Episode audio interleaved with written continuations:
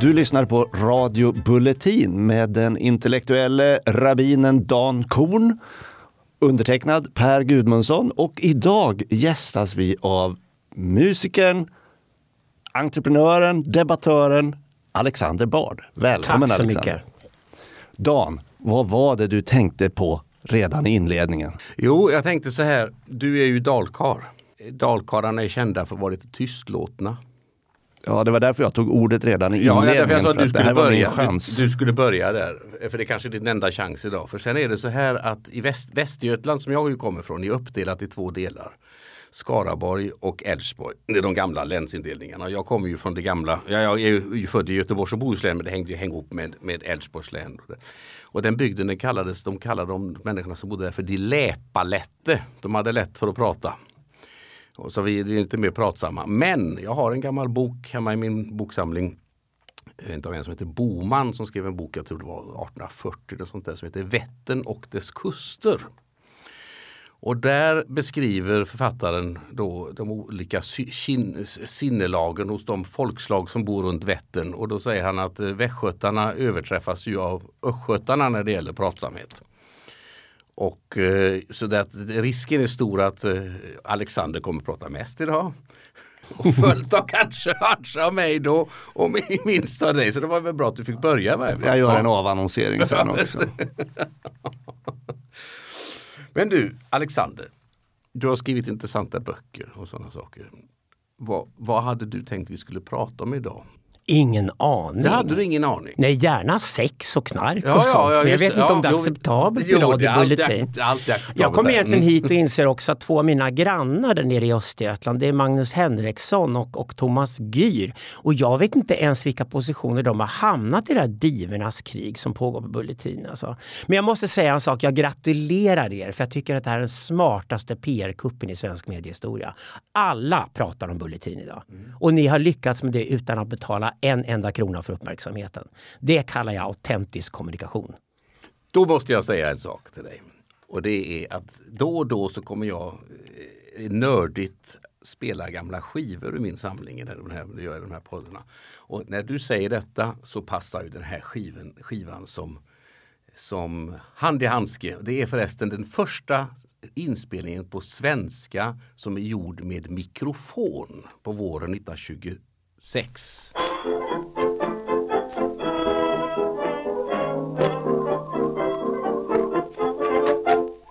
Det är nåt fräckt, men även käckt över denna glada sången. Rytmen är god, text alla mod, sista inför vårsäsongen. Är refrängen ej en fanfar,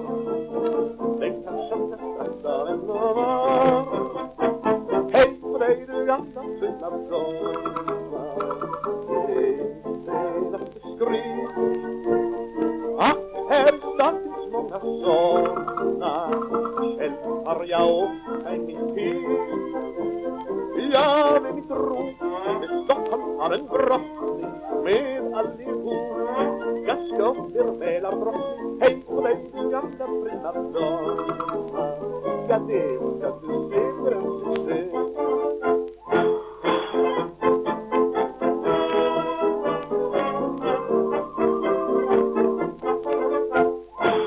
Okej, ingen av er har en uppfattning om vad vi ska prata om. Så jag börjar. Ja, okej.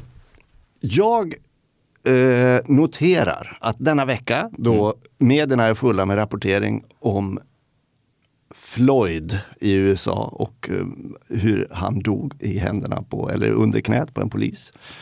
Noterar jag att det finns en rörelse bland företagare att positionera sig som extra vänliga gentemot svarta kunder och svarta företagare. Jag har sett att det svenska betalningsföretaget Klarna har en lista på sin sajt där de rekommenderar Black-owned enterprises för, för eh, sina kunder. Vad är detta Alexander? Har du Det är totalt galet. Alltså det är Den största noteringen på eh, Wall Street i höst kommer förmodligen bli Coinbase. Och Coinbase är alltså det hetaste techföretaget i världen idag. Och det säger allt om geniet Brian Armstrong som ledare för Coinbase. Att han redan förra året gick ut och förbjöd politik på arbetsplatsen. Och sen dess fick han en enda lång kö av världens främsta teknologer som nu vill jobba för Coinbase.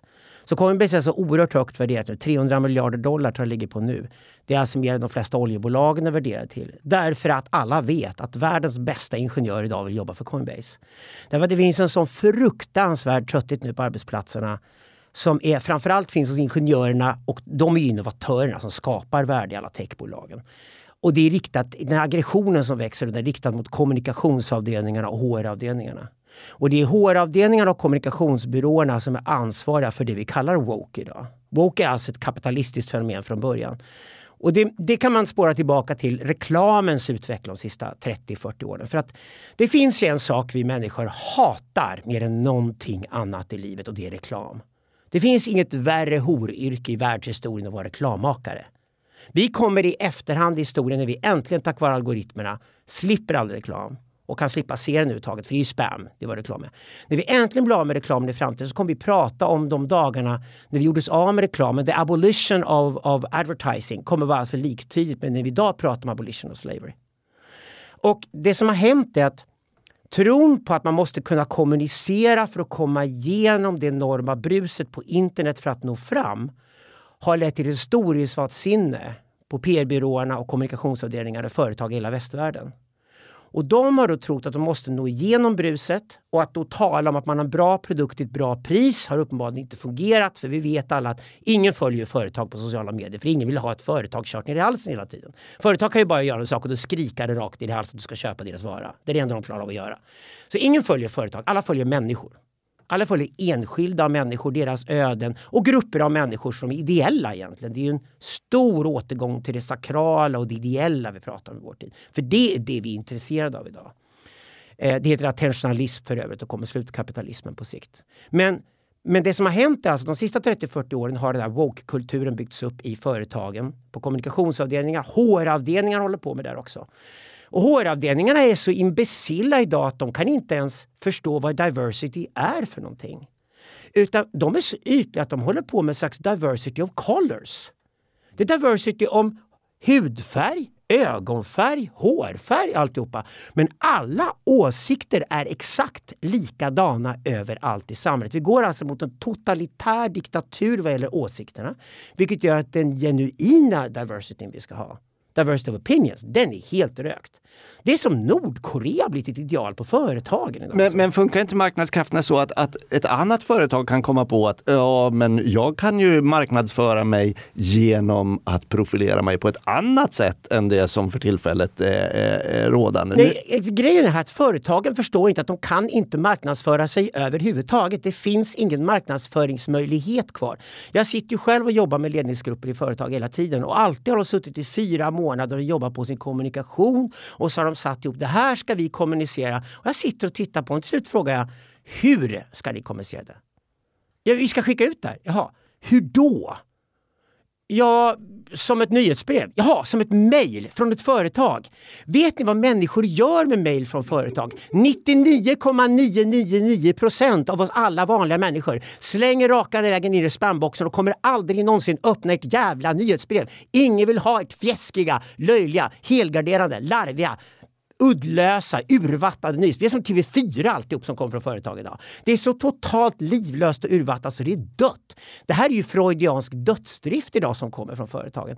Och de sitter fortfarande och tror att de ska marknadsföra sig. Och som du säger, att det finns någon basar kvar där man kan marknadsföra sig. Det finns inte det. I en digital värld styrd av algoritmer där vi alla går online för att skaffa oss information så vi kan fatta informerade beslut. Vilket är ett privilegium vi alla kan ta oss idag i den digitala världen. Så det är ingen jävel som vill ha spam. Men någonstans måste ju ändå detta ha uppstått. Vi har ju sett under de senaste decennierna att företagen har sysslat med corporate social responsibility hette det något år. Sen skulle det vara könskvoterade bolagsstyrelser eller, eller könskvoterade eh, verksamheter i allmänhet och så nu så är det hudfärgs kvoterad försäljning. Man, man, någonstans, antingen är det lönsamt att sälja denna produkt eller så tror man att det är lönsamt. Man tror att det är lönsamt, det finns ingen lönsamhet alls. Jag sitter nu med private equity, för de gillar jag. Jag gillar de riktigt hardcore kapitalisterna, de smarta lågmälda jävlarna som tjänar pengarna till slut. Jag gillar att sitta och snacka med dem. Och de sitter nu helt iskallt och håller på att katalogisera vilka företag som har sådana här avdelningar, som har anställt diversity officers, som driver sådana här hela department som håller på med sån här politisk utveckling på arbetsplatsen och sådana grejer. Och nu tänker de slänga ut dem i sina portföljer för de vet att det här är dödsdömt. För nu börjar vi upptäcka det här. Nu får vi en debatt om det här och vi börjar håna de här företagen. Ta bara H&M till exempel. Ja, man kan tycka H&M var modiga som tog en strid med kinesiska kommunistpartiet och bomullen som kom från Xinjiang eller Östturkestan som det borde heta. Men om du tar Östturkestan idag och så tar du Kina idag så se vad kinesiska kommunistpartiet har gjort mot H&M i Asien. De har anställt ungefär 3 miljoner kinesiska tonåringar.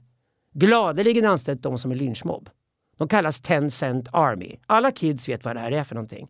Det är flera miljoner kinesiska ungdomar. Tencent Army kallas de. De jagar nu H&M sönder och samman och ska åtminstone jaga ut H&M ur Asien och helt döda H&M överhuvudtaget. Och allt de har gjort är att publicera två bilder online. En fantastiskt vacker bild på uigurer som plockar bomull i Östturkestan med någon liten Xi Jinping uppe i hörnet och så. Ni vet hur kommunistiska propagandabilder ser ut. Jättefint och vackert och alla är glada och lyckliga. Säkert så också. Och intill det har de bara tagit en bild inifrån en t-shirtfabrik i Bangladesh som ser helt förjävlig ut där H&M tillverkar sina t-shirtar. Det är allt de behövde göra. Det här är China vs H&M.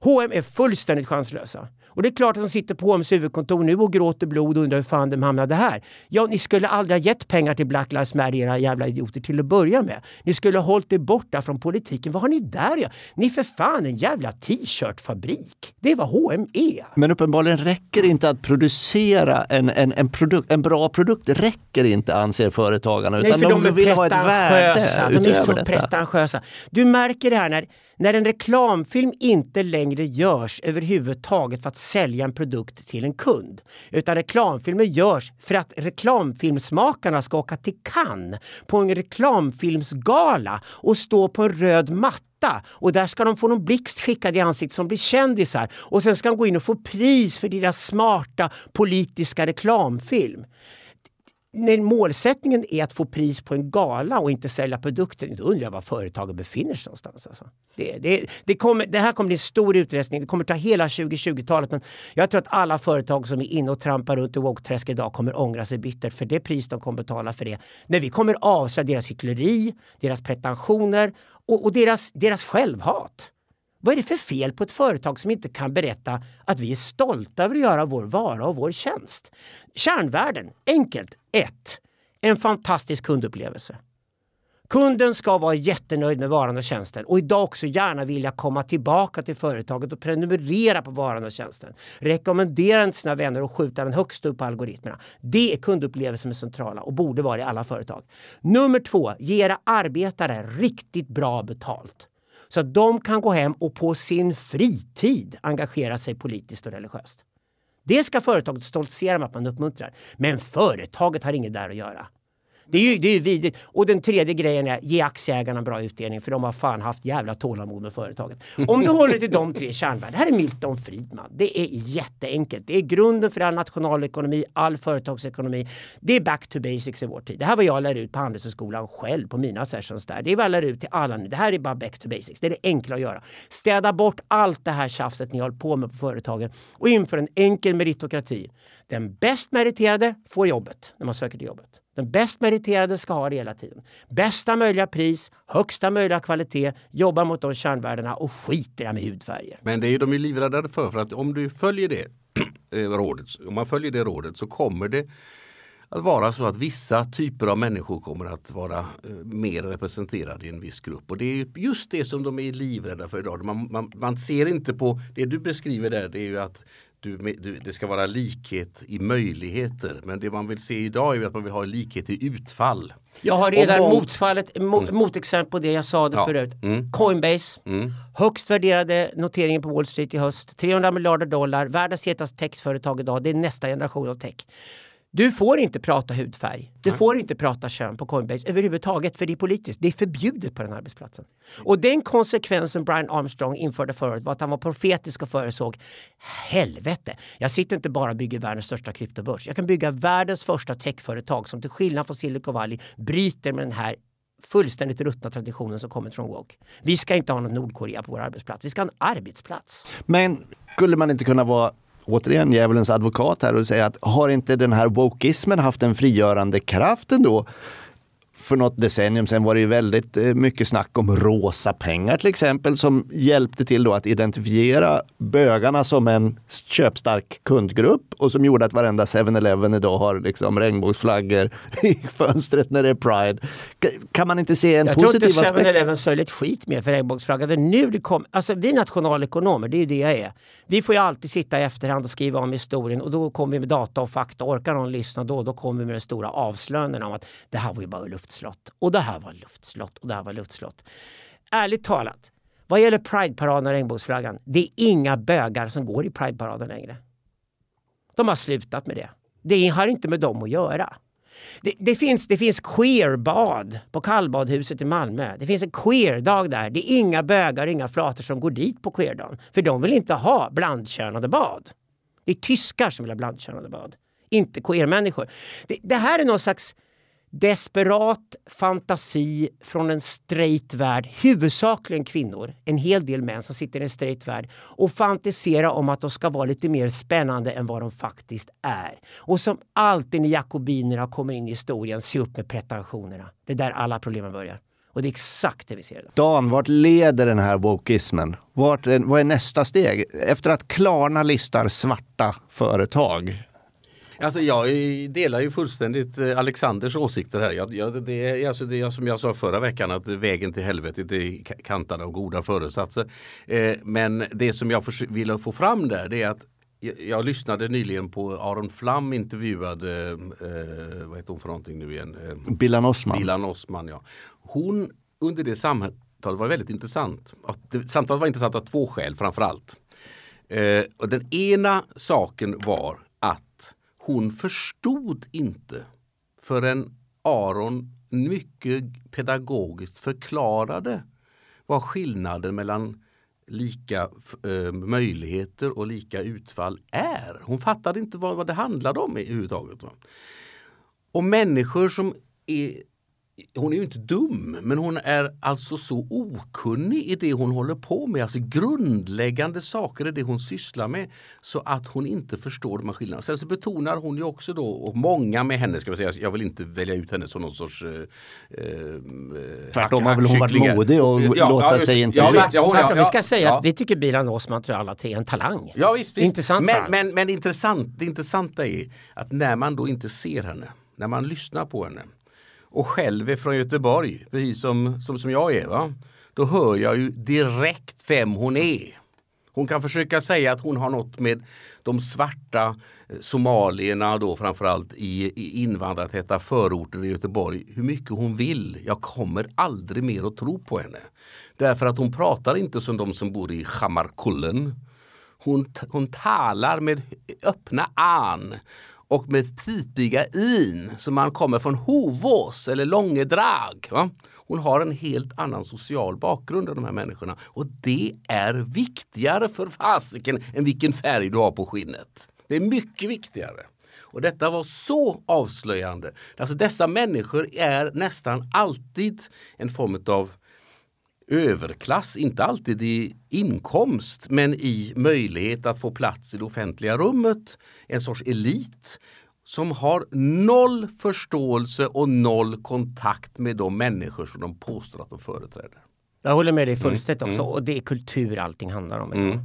Så när jag och Jan Söderqvist skrev Digital libido då åkte vi runt med vårt team runt hela världen. Vi var i norra Kanada, vi var i Nya Guinea, vi var i djungeln i Brasilien, vi var i södra Kina. Så vi tittar på alla sorts kulturer i världen idag och så börjar vi samla in massor med data. Det är det roliga just det, vi går in vi går in i en guldålder för dataantropologi, eller för antropologi överhuvudtaget, tack vare att det, det är en vetenskap som först nu kan bli vetenskap när vi har data. Och det är det som man kan göra med alla data som Google alla samlar in. Och då upptäckte vi mönster som var universella och vi kunde köra dem mot historiska befolkningar för flera tusen år sedan och vi kunde köra på befolkningar som finns idag och så kunde vi jämföra och så upptäckte vi mönster som återigen kom igen överallt. Det visar sig alltså att människan är en extremt tribal varelse och det visar att alla kulturer i världen i grund och botten har samma ursprung. Det vill säga att vi funkar på ett visst sätt. Vi har till och med arketyper. Vi kunde hitta vissa sorters män, vissa sorters kvinnor. Vi hittar en tydlig plats för de androgyna. De är ungefär 4% av alla populationer vi studerade. Vi hittar också en kategori som vi skriver väldigt mycket om som vi kallar shamanoida karaktärer. Det är de som går fredligt mellan stammar. Jag har sett det här själv på Nya Guinea när det är fullt krig. Och några snubbar med någon konstig fjäder på huvudet går rakt genom slagfältet och ingen skjuter i deras riktning. Det är shamanoida karaktärer. De enda som har, fred, som har kontakt med varandra mellan stammar och därför kan ha fredliga kontakter mellan stammar överhuvudtaget när det pågår krig. Eh, shamanoida karaktärerna. Och, och, så tittar vi på moderna yrken och så upptäcker att men herregud, det här är konstnärer, shamanoider och androgyna. Det är hårfrisörer, hundkennelklubbägare och, ja, men, och kro, krögare. Oj, krögar är ofta lesbiska kvinnor med stora hundar genom historien. Längs hela sidenvägen var det fullt av lesbianer som hade stora hundar som drev krogar. Jaha! Och så tittar man på det här och så ser man att men det här förklarar människor det.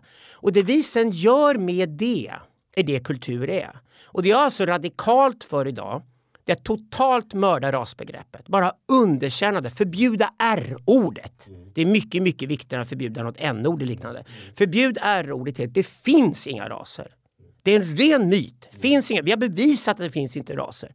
Uh, universellt och vi har samma bevisat sak. det för så länge sedan men sen så är det som folk som kallar sig för antirasister som envisas med att använda Jo men nu, det. nu, nu, om- nu mjölkar man ju offerrollen, Mm. det är vad det handlar om idag. Det är ungefär som där det sista stadiet ordet ras nu ska mjölkas på, man kan få ut av ordet. Det är därför det är antirasisterna som är de nya rasisterna. Mm. Ja, därför bara om, om, de inte, om det inte finns rasism så finns det ju heller ingen antirasism. Och därför Nej. måste de upprätthålla rasismen för att kunna finnas. Då finns bara hårt arbete och hårda studier och ta hand om sina barn och Mm. Ja. sköta sig Ja, kvar. ja, det är där vi. Mm. landar hela tiden. Och då tittar vi på kulturstudier och vi, vad vi iskallt gör nu vi började göra det där vi gör till nya boken vi skriver nu, att vi har tittat på två populationer i världen som är överlägsna alla andra på alla mätbara grejer. Så mäter vi utbildning, förmögenhet, framgång för barnen, arv och liknande saker, sammanhållning i kulturen, eh, höga andliga värden. Alla grejer du kan mäta, det är bara att sätta data på det här. Det är judarna i dagens Israel och det är parserna i Indien som till och med slår judarna. Par, är det alltså någon form av perser, iranier? Nej, parserna är Parser. zoroasterna i Indien. Det är en liten religion i Indien. 150 000 människor. De äger halva Indien. Tata Industries, parser. Äh, Nu till exempel när vaccinerna egentligen rullas ut i Indien, parserna är bakom alltihopa. De är en diskret liten grupp med enorm makt och inflytande. Indira Gandhi var gift med en parser för säkerhets skull. Det är till och med så att tekniskt sett är Rajiv Gandhi en parser, inte hindu. Så att parserna är en liten religion i Indien med enorm enorm makt och inflytande, extremt framgångsrika. Jag, jag började leva nära parserna på, på 1980-talet för att jag var så fascinerad över hur kan en sån grupp människor vara så framgångsrika? Och det intressanta är att zoroasterna som kom från Iran och Indien landade i USA så lyckades de i början på 1980-talet så lyckades de på mindre än tio år bli den framgångsrikaste etniciteten i hela USA och de de slog på fingrarna var självklart judarna i USA som var två.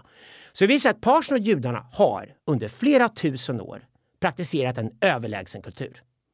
Enligt alla mätbara Allting du tittar efter, om du bryr dig om ditt barns uppväxt. De här två kulturerna funkar. Och parallellt med det har vi också upptäckt, när vi suttit och studerat här, att människor i rörelse är överlägset framgångsrika människor som sitter still. Heidegger har fel. Folk ska röra sig. Och det är därför den nya boken vi skriver kommer bli en exodologi, alltså en lära om hur sätter man folk i rörelse? Och varför är det de som lämnar Egypten och går till det förlovade landet som blir vinnarna gång på gång på gång? Och då upptäcker vi att det finns fyra fantastiska populationer som delar världen. Det är världens 100 miljoner exilkineser. Det är världens 70 miljoner exilindier.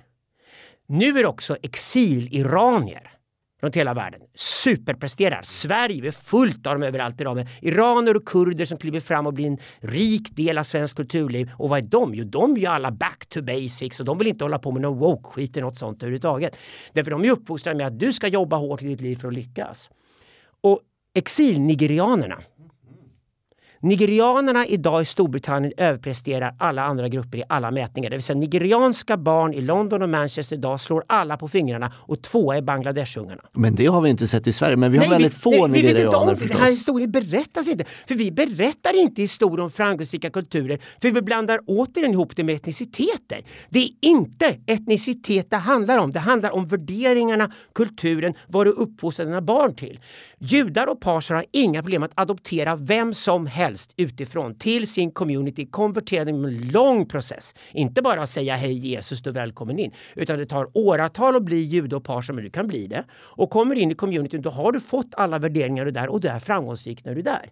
Men exilnigerianerna är otroligt framgångsrika och jag brukar alltid påpeka att tittar du på den amerikanska diskursen idag, Candice Owens gillar ju som fan såklart, men Melissa Tate är egentligen framtiden som kom från Zimbabwe, jobbade hårt i USA, snygg, vacker kvinna, superkarismatisk såklart, diskret, gifter sig med en vit man. Det gör Candice Owens och sådana kvinnor. För de vill lyckas helt enkelt. De vill inte gifta sig med någon som sitter i fängelse för drogbrott. De vill gifta sig med någon som är framgångsrik. De, de är värda det. Jobbar hårt. Melissa Tate har nu miljontals följare i USA. Hon är afrikanska. Hon är från Zimbabwe. Och då kan du tänka dig hur många nigerianska tjejer som kommer bo i Texas och vara kristna och republikaner som kommer sitta runt 2030 och vara superstjärnor online i USA. Och de kommer då i efterhand hata Black Lives Matter och woke och hela den här skiten. Detta med parser var helt nytt för mig. Framgångsrika folkgrupper blir ju inte sällan lika illa omtyckta som misslyckade folkgrupper. ofta mer, mer, Ja. mer Och, och då undrar jag, hur är parsernas, eh, vad ska jag säga, eh, rykte i Indien? Alltså hatar folk dem för att de tar eh, pengarna? Ja, nu finns det tur här och det är hinduismen. För fördelen med att ha en religion som en evig återkomst av detsamma, en slags evigt rullande kaos, är att du kan tolerera minoritetsreligioner. Alltså, vi, vi vill ju att världen ska bli Indien. Det betyder så att Indien är modellen för det digitala samhället. Jag, jag har gång på gång i 30 år sagt att Indien är framtiden. Det vill säga, vi kommer mer och mer likna Indien. Stora klasskillnader, ja, men väldigt mycket stor tolerans och framförallt en stor diversitet vad gäller kulturer och åsikter. Och det är det som är viktigt. Eh, Indien har flera minoriteter, men så här är det att leva med parserna i Mumbai. Du bor i lyxbostäder, det kan jag lova dig. du umgås med familjen Tata ganska fort om du är pars. Men, men parserna är väldigt nära lierade med judarna i Indien. Det finns en judisk minoritet i Indien. Med jainisterna som är ungefär fem miljoner och tillämpar en egen religion helt utan gudar. En slags hinduism, eh, rent filosofisk och ställt bort alla gudar överhuvudtaget. Väldigt intressant perspektiv. för Det jainistiska är ganska nära vart den moderna fysiken är på väg och sånt där. Så jainister är superintressanta. Sikherna är också många i Indien och väldigt framgångsrika. Och att sitta på en middag med sikher och parser, att parser vet om att vi tog hand om handeln i Indien när britterna kom hit och därför är vi stormrika idag. Sikherna tog hand om militären när britterna kom. Det var de som britterna litade på att sköta militären. De kunde också gå mellan Indien och Pakistan och sådana saker. Så att sikherna är också framgångsrika. De här minoriteterna håller om varandra väldigt starkt. Och de är väldigt, väldigt nogsamma med vart hinduismen är på väg. Och de är väldigt rädda vart Modi är på väg nu. Just parserna mindre än andra för Modi kommer från Gujarat. Och Gujarat är där du har mest parser i hela Indien. Och du kan inte vara en framgångsrik Gujarati överhuvudtaget om du inte har persiska vänner. Så jag vet många parser som har personliga relationer direkt med Narendra Modi, så de, de hoppas att det ska fungera. Men de är ju självklart rädda för hindunationalismen när det kommer till Indien. Det är de absolut. Och det är precis som du säger Dan, det är alltid de framgångsrika minoriteterna som har det absolut värst. Det är de som blir mest demoniserade i kulturen. De får se upp. Om de har det värst vet jag inte, men de, har, de är de som blir mest demoniserade helt klart. Alltså kineser till exempel i väldigt många länder. Alltså, eh, Thomas Sowell har ju skrivit mycket om det här. Eh, då säkert. Han talar ju om, det, om hur viktigt det är med de här eh, the middleman. Och han, libaneser i mycket i Afrika också till exempel. Alltså en, en minoritet kan göra det som ofta två majoritetsbefolkningar inte kan, nämligen att kommunicera med varandra.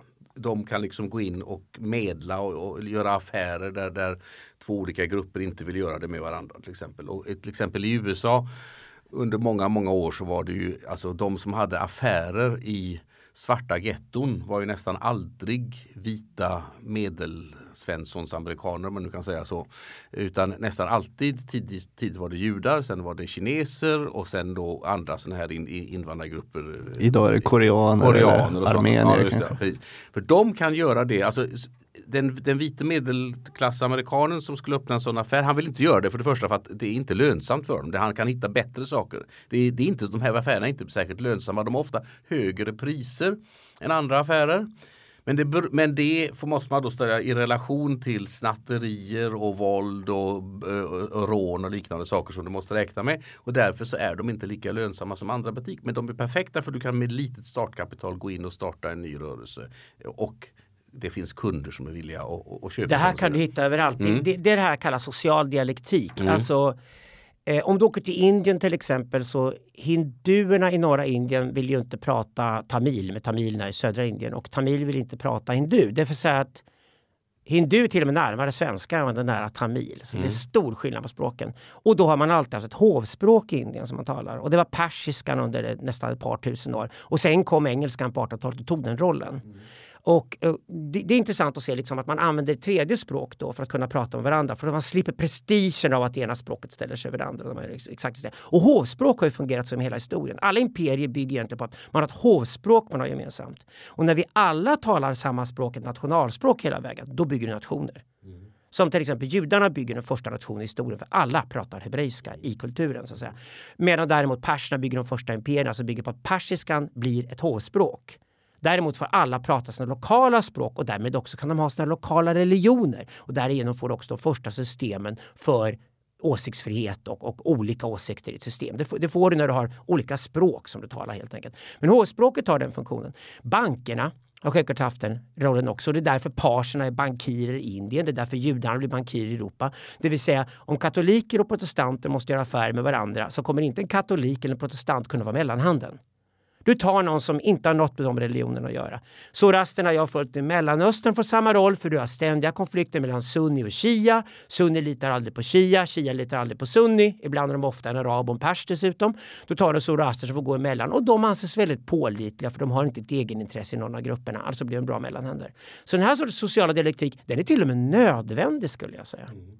Den, roll, den rollen hade ju resande då i Sverige för.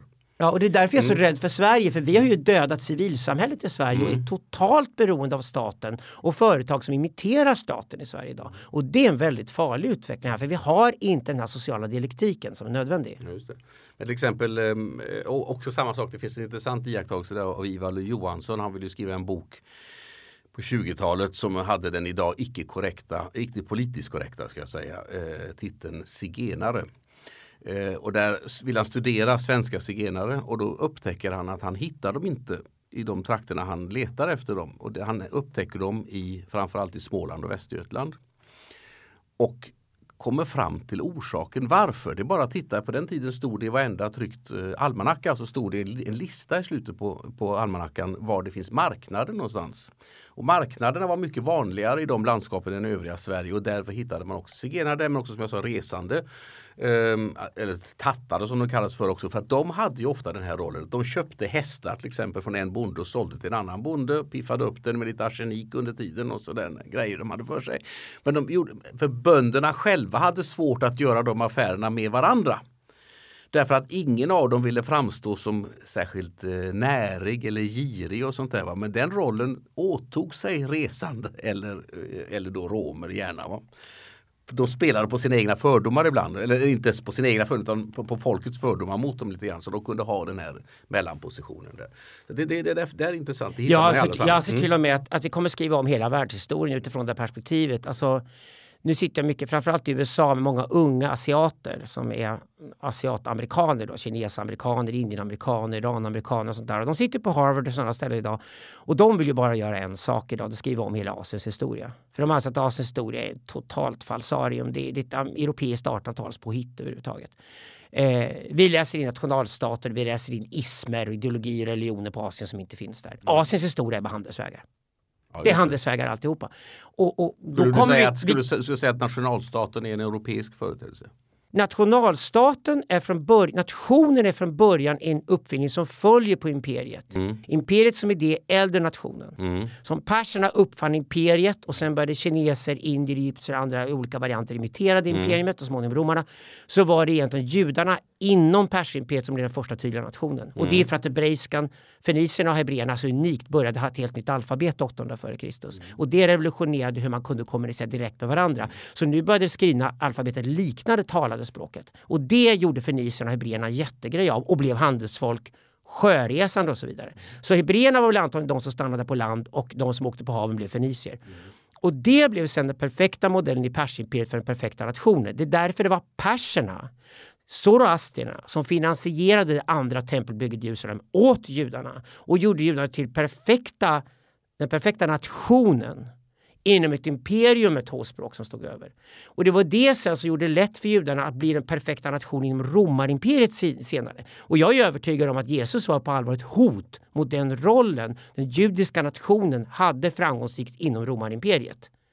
Det är därför de avrättade Jesus. Jag förstår judarna väldigt djupt idag för de gjorde det. Han var en skitstövel i helt enkelt. ja, du säger ju i och för sig Ja, nya, nya testamentet. att- Jag att, står att, för det, Att, ja. ja, men det, du säger i nya testamentet att, att det var romarna som gjorde det i och för sig. Men enligt de judiska sk- källorna så var det judarna som gjorde det. De tvådde ja, sina- de Enligt tvådde Agnes Wold händer. var det ingen som gjorde det. Enligt Agnes Wold var det ingen, Ingen som gjorde det. eftersom-. Romarna var som svenskar idag. De tvådde sina händer och ville inte ha med skiten att göra. Och så påstod de att deras konflikträdsla var ett, fredsinitiativ. Det är det svenska. Apropå svenskar, indier, imperier, nationer. Jag är en enkel man från Dalarna. Och när du säger vi måste bli som Indien, eh, då, då säger jag, men snälla. Snälla vadå Per? Du har nu lyssnat på del 1 med mig, Dan Korn, Per Gudmundsson och Alexander Bard. Vill du lyssna på del 2 kan du gå in på bulletin.nu och gå till podcast. Där kan du lyssna på fortsättningen.